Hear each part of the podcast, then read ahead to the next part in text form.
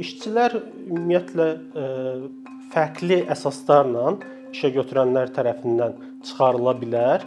Lakin bir məsələni xüsusilə qeyd etmək lazımdır ki, işə götürən yalnız əmək məcəlləsində qeyd olunmuş əsaslarla işçini işdən çıxara bilər. Əmək məcəlləsindən kənar hər hansı bir əsasla işçini işdən çıxara bilməz.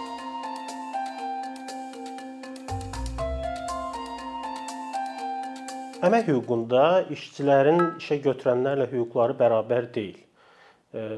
Hər nə qədər də bizim əmək məcəllərimizdə qeyd olunsa da ki, işçilərlə işə götürənlərin hüquq bərabərliyi prinsipi var, bununla razılaşmaq mümkün deyil. Çünki işçilər işə götürənlərə tabedir. Yəni işçilər işə götürənlərin verdikləri təlimatlarla, onların tapşırıqları ilə işləyir və onların birbaşa nəzarəti altında işləyir.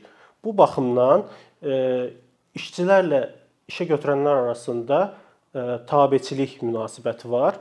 Əmək hüququnun ən önəmli xüsusiyyətlərindən biri işçinin işə götürən qarşısında qorunmasıdır. Bunun səbəbi nədir? Səbəbi ondan ibarətdir ki, işçi işə götürəndən qat-qat iqtisadi cəhətdən daha ə, e, zəif vəziyyətdədir.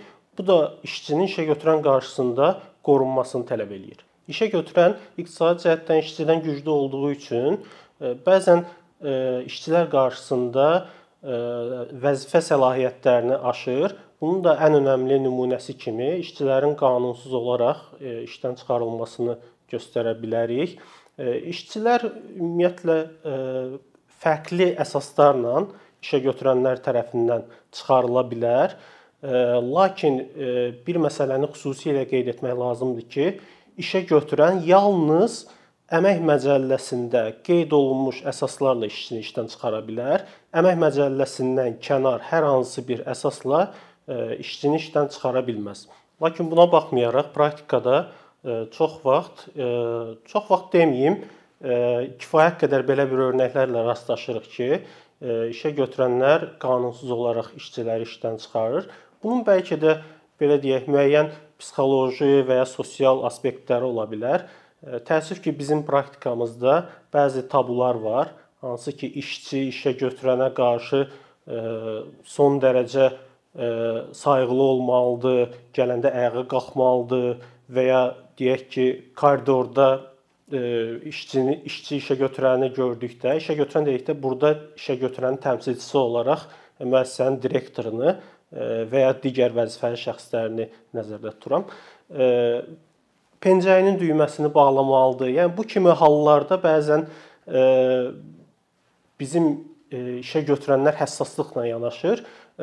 Belə olan halda hesab eləyirlər ki, işə götürənlər biz işçini çıxara bilərik. Tək bu deyil, başqa digər səbəblər də ola bilər. Ancaq işə götürənlər bilməlidirlər ki, yalnız və yalnız əmək məcəlləsində qeyd olunan əsaslarla işçilər işdən çıxarıla bilər. Bir şey də qeyd eləyim ki, e, işə götürənlər çox vaxt işçini e, birbaşa hansısa bir maddə ilə işdən çıxarmağa meylli olmurlar. İlk növbədə işçini çağırırlar, deyirlər ki, ərizəni yaz çıx, belə pozuntu eləmisən və e, bəzən də təhdidlər də olur ki, bəs sən özün işdən çıxmasan, səni 70-ci maddənin C bəndindən, yəni əmək məcəlləsinin 70-ci maddəsinin C bəndindən işdən çıxardacağıq. Belə olan halda da işçinin gələcək karyerası sual altına düşə bilər. Ona görə də çox vaxt işçilər 70-ci maddənin C bəndindən ehtiyat edərək ərizələrini yazıb çıxırlar. Bir də bəzən belə bir işçilərdə belə bir düşüncə olur ki, gəmidə oturub gəmiçi ilə mübahisə eləməyəcəyik ki, madam ki məni istəmirlər, mən o zaman işdən çıxım, amma bu belə deyil. İlk növbədə onlar digər işçilər üçün pis örnək olurlar eyni zamanda işə götürənlərə əlavə stimul verirlər ki, istədiyimiz halda işçini işdən çıxara bilərik. Bundan başqa da işçilər işdən çıxanda uzun müddət bəzən iş tapa bilmirlər. Aylarla bu çəkir. Yəni məsələ o deyil ki, işçi fərasətsizdir və ya savadsızdır. Xeyr, əmək bazarı çox fərqli bazardır və işçi bəzən öz istəklərinə uyğun iş yeri tapa bilmədiyi üçün işsiz qalır və nəticədə onun maddi vəziyyəti aşağı düşür. Əmək Məcəlləsinin 70-ci maddəsinin C bəndi nədir? İşçi əgər əmək funksiyalarını yerinə yetirmirsə, əmək funksiyaları dedikdə nə nəzərdə tuturuq? Yəni əmək müqaviləsi üzrə görməli olduğu işlər. Əgər bu işləri keyfiyyətsiz şəkildə yerinə yetirirsə və ya yerinə yetirmirsə, o cümlədən əmək müqaviləsi üzrə öhdəliklərini yerinə yetirmirsə və ya əmək vəzifələrini Əmək Məcəlləsinin 72-ci maddəsində qeyd olunan əmək vəzifələrini pozursa, o zaman işə götürən hüququ var ki, işçi ilə əmək müqaviləsinə xitam versin. Ancaq bu maddənin də tətbiqi ilə bağlı işə götürənlər kobud pozuntulara belə deyək, yol verirlər. Bunlardan birincisini desək, bu maddə altında, yəni 70-ci maddənin C bəndi altında əslində isə reallıqda başqa səbəblər olması halında işçi ilə əmək müqaviləsinə xitam verirlər. İşə götürənlərin ən çox sui-istifadə elədiyi maddə elə bu 70-ci maddənin C bəndidir. Burada işə götürənlər əslində etdikləri qanunsuz hərəkətləri 70-ci maddənin C bəndi ilə sanki pərdələyirlər. Ondan başqa da deyək ki, 70-ci maddənin C bəndi ilə işçini çıxardarkən sadəcə olaraq qeyd eləyirlər ki, işçi, yəni əmrdə işdən çıxarma barədə əmrdə qeyd eləyirlər ki, işçi əmək funksiyalarını yerinə yetirməyib, əmək vəzifələrini pozub, əmək müqaviləsi üzrə öhdəliklərini yerinə yetirməyib. Yəni bu çox sadə şəkildə heç bir əsaslandırma olmadan əmək müqaviləsinə xitam verirlər. Halbuki əmək məcəlləsinə görə işçi ilə əmək müqaviləsinə xitam verildikdə ciddi şəkildə əsaslandırma olmalıdır. Yəni işçini nəyə görə işdən çıxartdıqlarının əsaslan yəni zərurətinin əsaslandırması olmalıdır. Bu tək 70-ci maddənin C bəndi ilə deyil, e, işçi tərəfindən əmək müqaviləsinə xitam verilməsindən bağlı digər e, maddələrdə də e, bu qayda pozulur. Yəni bu çox əslində ciddi bir məsələdir. Çünki bayaq təkrar elədiyim kimi işçi iqtisadi cəhətdən işə götürəndən zəifdir və işçi keçimini, yəni həyatını, ailəsini işdən qazandığı məvaciblə dolandırır. Yəni əmək haqqı ilə dolandırır və işə götürən heç bir əsas olmadan əslində işçini işdən çıxara bilməz. O baxımdan ciddi şəkildə işdən çıxarma barədə əmrdə işdən çıxarma əsaslandırılmalıdır. Ondan başqa deyək ki, məsələn, bayaq az öncə sadaladım 70-ci maddənin C bəndində qeyd olunur ki, əmək funksiyalarının yerinə yetirməmə, əmək vəzifələrini pozma. Yəni bu kimi halların baş verməsi belə işə götürənə tək başına hüquq vermir ki, işçini işdən çıxartsın. Yəni işçi 70-ci maddənin C bəndini pozarsa, işin və ya istehsalın ahəngi pozulmalıdır, ya da ki, işçiyə və əmək kollektivinə zərər dəyməlidir. Yəni bu hal varsa iş, işə götürən işçini işdən çıxara bilər. Bu hallar yoxdursa, ə, e, əmək müqaviləsinə xitam verilə bilməz. Məsələn, deyək ki, işçi bir bütöv gün işə gəlməyib. 72-ci e, maddəyə görə ə, e, işçinin bir bütöv gün üzürsüz səbəbdən işə gəlməməsi əslində işdən çıxarmaq üçün əsasdır. Amma əgər işçinin deyək ki, həmin gün üçün çox da önəmli bir işi olmayıbsa işdə və onun işə gəlməyinin heç kimə zərəri toxunmayıbsa, bu əsasla işçi işdən çıxarıla bilməz. Bir də bir məsələni qeyd eləyim. Bizdə praktikada geniş bir yayılmış tendensiyadır. İşə götürənlər iş yerində nizam-intizam qaydaları tətbiq eləyirlər işçilərə. Və bu belə deyək, nizam-intizam qaydalarını pozan işçini işdən azad edirlər. Amma bu da əmək məcəlləsinə ziddir. Çünki yəni bir işçini az öncə də qeyd elədim, işdən çıxarmaq üçün əmək məcəlləsində qeyd olunan ə, e, əsaslar olmalıdır. Və ə, e, orada da qeyd olunub ki, ə, e, işçi əmək müqaviləsi üzrə öhdəliklərini yerinə yetirməzsə, əgər nizam-intizam qaydalarına əməl edilməməsi nəticəsində işçinin azad olunması əmək müqaviləsinə ə, əlavə edilibsə, bu zaman işdən çıxarma ola bilər. Yox, əgər əmək müqaviləsində nizam-intizam qaydaları ilə bağlı heç bir bənd yoxdursa, o zaman işə götürən işçini işdən azad edə bilməz. İşə götürən tərəfindən əmək müqaviləsində xitam verilməsinin bir digər əsası isə işçilərin sayının ixtisarı və ya ştatların ixtisarıdır. İşçilərin sayının ixtisarı çox vaxt müəssisədə maliyyə çatışmazlığı səbəbindən baş verir. Ştatların ixtisarı isə çox vaxt belə ştatların optimallaşdırılması, yəni ehtiyacı olmayan müəssisədə ehtiyac olmayan ştatların ləğv edilməsi əsası ilə həyata keçirilir. Ştatların və işçilərin sayının ixtisarı zamanında kobud pozuntulara yol verilir. İlk növbədə yenə az öncə qeyd etdiyim 70-ci maddənin C bəndində olduğu kimi burada da demək olar ki, əsaslandırma olmur. Bir-iki cümlə ilə, ümumi sözlərlə sanki şirkətin maliyyə vəziyyəti çətinləşib, bu əsasla işçini işdən çıxarmaq məcburiyyətindəyik, amma işdən çıxarma barədə əmrdə konkret detallar göstərilməlidir. Məsələn, işçi işçinin orada qalmağı, yəni müəssisədə qalmağı şirkətə nəyə başa gələ bilər və ya deyək ki, işçi işdən çıxarılarsa bu müəssisəyə hansı fayda verəcək və ya işçinin ixtisarının son zərurət olması, yəni çıxış yolunun işçilərin ixtisarı olması, yəni bu kimi məsələlər orada qeyd olunmalıdır. Yenə deyirəm, bəlkə bu işə götürənlər tərəfindən qeyri-ciddi qarşılana bilər bu sözlərim. Ancaq yenə təkrar eləmək istəyirəm ki, işçi keçimini müəssisədən qazandığı əmək haqqı ilə keçirir və ola bilsin ki, bir və ya bir neçə işçinin işdən azad edilməsi işə götürən üçün çox əhəmiyyət kəsb eləmir, amma işçi üçün bəlkə də bu həyatında baş verən ən önəmli hadisələrdən biridir. Ondan başqa işçilərin ixtisarında işə götürənlərin ən çox yol verdiyi pozuntu ondan ibarətdir ki, məsələn, bir işçini işdən çıxardır ixtisarla, üstündən 1 ay keçir və onun vəzifəsinə başqa bir işçi təyin edir. Yəni bu kimi hallar onu göstərir ki, işə götürən məqsədi əslində ixtisar deyildi. Yəni onun maliyyə çatışmazlığı və ya deyək ki, ehtiyac olmayan bir sahəni ixtisar eləmək deyildi. Sadəcə olaraq işçidən yaxa qurtarmaq istəyirdi və buna bir don geyindirdi, ixtisar adından çıxartdı. Yəni əgər işə götürən işçi ixtisar edildikdən qısa bir müddət sonra yeni işçi o vəzifəyə yeni işçi qəbul edirsə və ya deyək ki,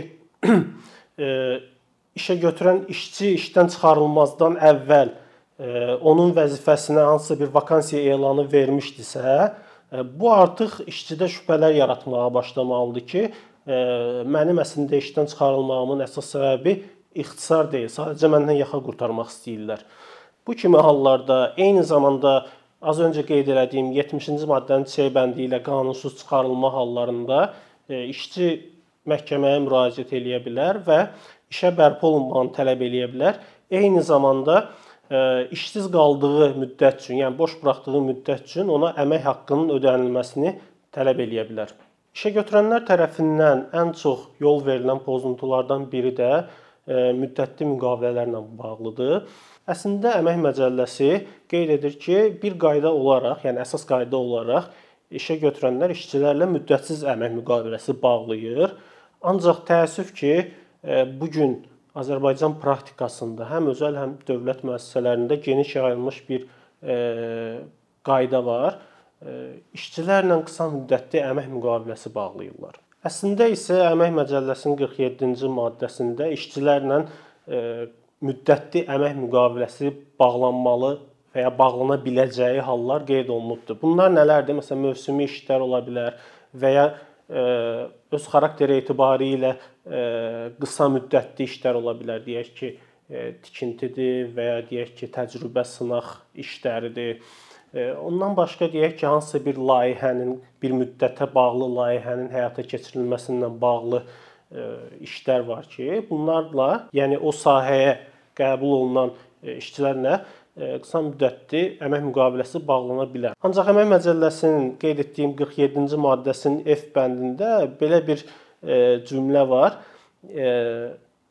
tərəflərin, yəni işçi ilə işə götürənin e, hüquq bərabərliyi prinsipinə əməl etməklə və onların qarşılıqlı razılığı ilə müqavilə müddətli bağlana bilər. Bu bəndi də əsas götürən, yəni fürsət bilən işə götürənlər e, bütün işçilərlə demək olar ki, qısa müddətli e, əmək müqaviləsi bağlayır. Ya bu qısa müddətli müqavilənin bağlanmasının işə götürənə faydası ondan ibarətdir ki, e, məsələn deyək ki, 3 aylıq müqavilə bağladı. E, işçi ilə aralarında hər hansı bir ədavət yarandı və 3 e, ayın sonunu gözləyirlər.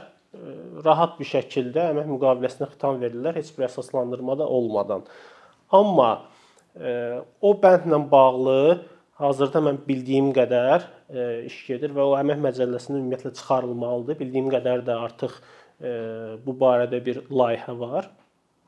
Yəni əslində bir növ o maddənin orada olmağı 47-ci maddənin ümumiyyətlə e, mənasız edir. Çünki 47-ci maddədə e, əmək müqaviləsinin müddətli bağlanmalı olduğu hallar göstərilib ki, yalnız bu hallarda e, işçi e, işçi ilə müddətli əmək müqaviləsi bağlana bilər. Ancaq burada hüquq bərabərliyindən bəhs edir. Əslində isə işçi ilə işə götürən arasında hüquq bərabərliyi yoxdur. Yəni məsələn deyək ki, hansısa müsahibədə işə götürən desə ki, müqaviləni 3 aylıq bağlayacağıq. İşə götürən buna etiraz etsə, deyəcək yaxşı yol. Yəni bizim iş prinsipimiz belədir. Yəni o baxımdan bir də yenə təkrar o mövzuya qayıdıram ki, işçi əslində işə götürənin işə götürəndən bir növ maddi cəhətdən asılı olduğu üçün, yəni onun pula ehtiyacı olduğu üçün, qazanca ehtiyacı olduğu üçün o e, istənilən halda çalışacaq ki, e, ən çətin şərtlərlə belə əmək müqaviləsini bağlasın. E, belə olan halda da hansı bərabərlikdən söhbət gedə bilər? Yəni o baxımdan ümumiyyətlə 47-ci maddənin e, F bəndinə istinad eləmək də hüquqa uyğun deyil. Yəni o bənd ümumiyyətlə 47-ci maddənin xarakterinə ziddir. Və mənim fikrimcə işçi ilə müddətli əmək müqaviləsi bağlayıblarsa, hansı ki buna ehtiyac yox idi. Yəni e, işçi müddətin sonunda işdən azad edilərsə, o yenə məhkəməyə müraciət eləyib işə bərpa olunmağını tələb eləyə bilər. Və bu gün e, bizim məhkəmə praktikasında da kifayət qədər belə hallar var ki, işçi məhkəməyə müraciət eləyib ki, bəs müqavilənin müddəti müddətsiz kimi olsun və işə bərpa olunsun. Yəni məhkəmələr işçilərin xeyrinə qərarlar çıxardırlar. Yəni bu sevindirici haldır. Təəssüf ki, bu gün işçilər arasında öz hüquqlarıyla bağlı məlumat azlığı var. Yəni çox vaxt onlar öz hüquqlarını dərindən bilmədiyi üçün hüquq pozuntuları ilə qarşılaşırlar. Məsələn, işçi işdən çıxarıldığı gündən etibarən 1 ay ərzində məhkəməyə işə bərpa tələbi ilə müraciət etməlidir. Ancaq işçilər bunu bilmədiyinə görə çox vaxt bu müddəti ötürürlər. Düzdür, mediasiya qanunvericiliyinin e, tətbiqi ilə bağlı bu müddət, yəni mediasiya sessiyasında iştirak, ora müraciət filan, yəni bu 1 ay müddət e, biraz da e, uzanmış sayılır nəticə olaraq. Çünki mediasiyaya müraciət etdikdə orada 1 aylıq müddət dayanır arayış verildikdən sonra o müddət yenə bərpa olur. Amma istənilən halda, yəni 1 aylıq müddət işçinin məhkəməyə müraciət etmək hüququ üçün çox qısa müddətdir. Yəni çox yaxşı olardı ki, bu müddət də heç olmasa 3 ay müddətə çıxarılsın. Ondan başqa işçilərin məsələn hüquqlarını bilməməsinin nəticəsi olaraq işçilər çox vaxt məhkəməyə müraciət etmədən əmək müfəttişliyinə şikayət eləyirlər. Sanki belə bir düşüncələri var ki, əmək müfəttişliyi pozuntu aşkar eləyərsə onları işə bərpa edəcək. Amma halbuki əmək müfəttişliyinin əlində belə bir səlahiyyət yoxdur. Sadəcə olaraq əmək müfəttişliyinin belə bir e, hüququ var ki, İnzibati Xətalar Məcəlləsindən e, işə götürən işə götürənə e, şərti cərimə tətbiq eləyir. Yəni şərti cərimə ondan ibarətdir ki, əgər işə götürən pozuntunu aradan qaldırarsa, yəni işə götürən bir müddət verir və o müddət ərzində işə götürən pozuntunu aradan qaldırarsa, yəni tutaq ki, bu məsələdə işçini işə bərpa eləyərsə, o zaman cərimə aradan qalxmış olur. Heç bir cərimə ödəmir. Ancaq bu yenə də belə deyək, işə götürən üçün məcburi bir tədbir deyil. Yəni heç kim zəmanət vermir ki, əmək müfəttişliyi şərti cərimə tətbiq etdi və işçi işə bərpa olacaq. Yox, o baxımdan işçilərin işə bərpa olunmağının ən əsas yolu məhkəməyə müraciət etməkdir. İşçilərə tövsiyə eləyərdim ki, işə götürənlərdən öz hüquqlarını tələb eləsinlər. Başa düşürəm, məsələn, işlədiyi müddət ərzində işçinin bir çox hüquqları pozula bilər, iş saatlarından bağlı və ya əmək haqqlarından bağlı. Yəni bu zaman onlar hansısa bir hüquqi yollara başvursalar, yəni müraciət eləsələr, o zaman onların işdən çıxma təhlükəsi var. Ancaq istənilən halda, istənilən halda hüquqlar tələb olunmalıdır ki, onlar təmin edilsin. Yoxsa bu pozuntular davamlı xarakter alacaq. Mən əslində işə götürənlərin hüquqları barədə çox danışıram. Hə bu bəzən belə deyək, bizim müəssisələrdə rəhbər vəzifələrdə işləyən şəxsləri qıcıqlandırır. Amma əslində məncə işçilərin hüquqlarından danışmağın bir növ onların da xeyrinədir. Çünki onlar da artıq öz vəzifələrini başa düşürlər və e, zərərdən bir növ qurtulmuş olurlar. Çünki məsələn bir işçi məhkəməyə müraciət eləyirsə və e, işə bərpa olursa, bu sadəcə işə bərpa olmaq deyil. Bu e, işləmədiyi, yəni işdən kənar qaldığı müddət ərzində işə götürən tərəfindən işçiyə onun əmək haqqının ödənilməsidir. Yəni məhkəmə prosesləri bəzən çox uzun müddət alır. Məsələn, 6 aydan il yarıma qədər bu çəkə bilər. Bəzən işlər ali məhkəməyə gedir, gedir və ali məhkəmənin qərarı ilə işçi işə bərpa olur və e, sadəcə hansısa bir e, narazılıqdan işçini işdən çıxarmaqları ona onlara on minlərlə e, zərərə başa gəlir.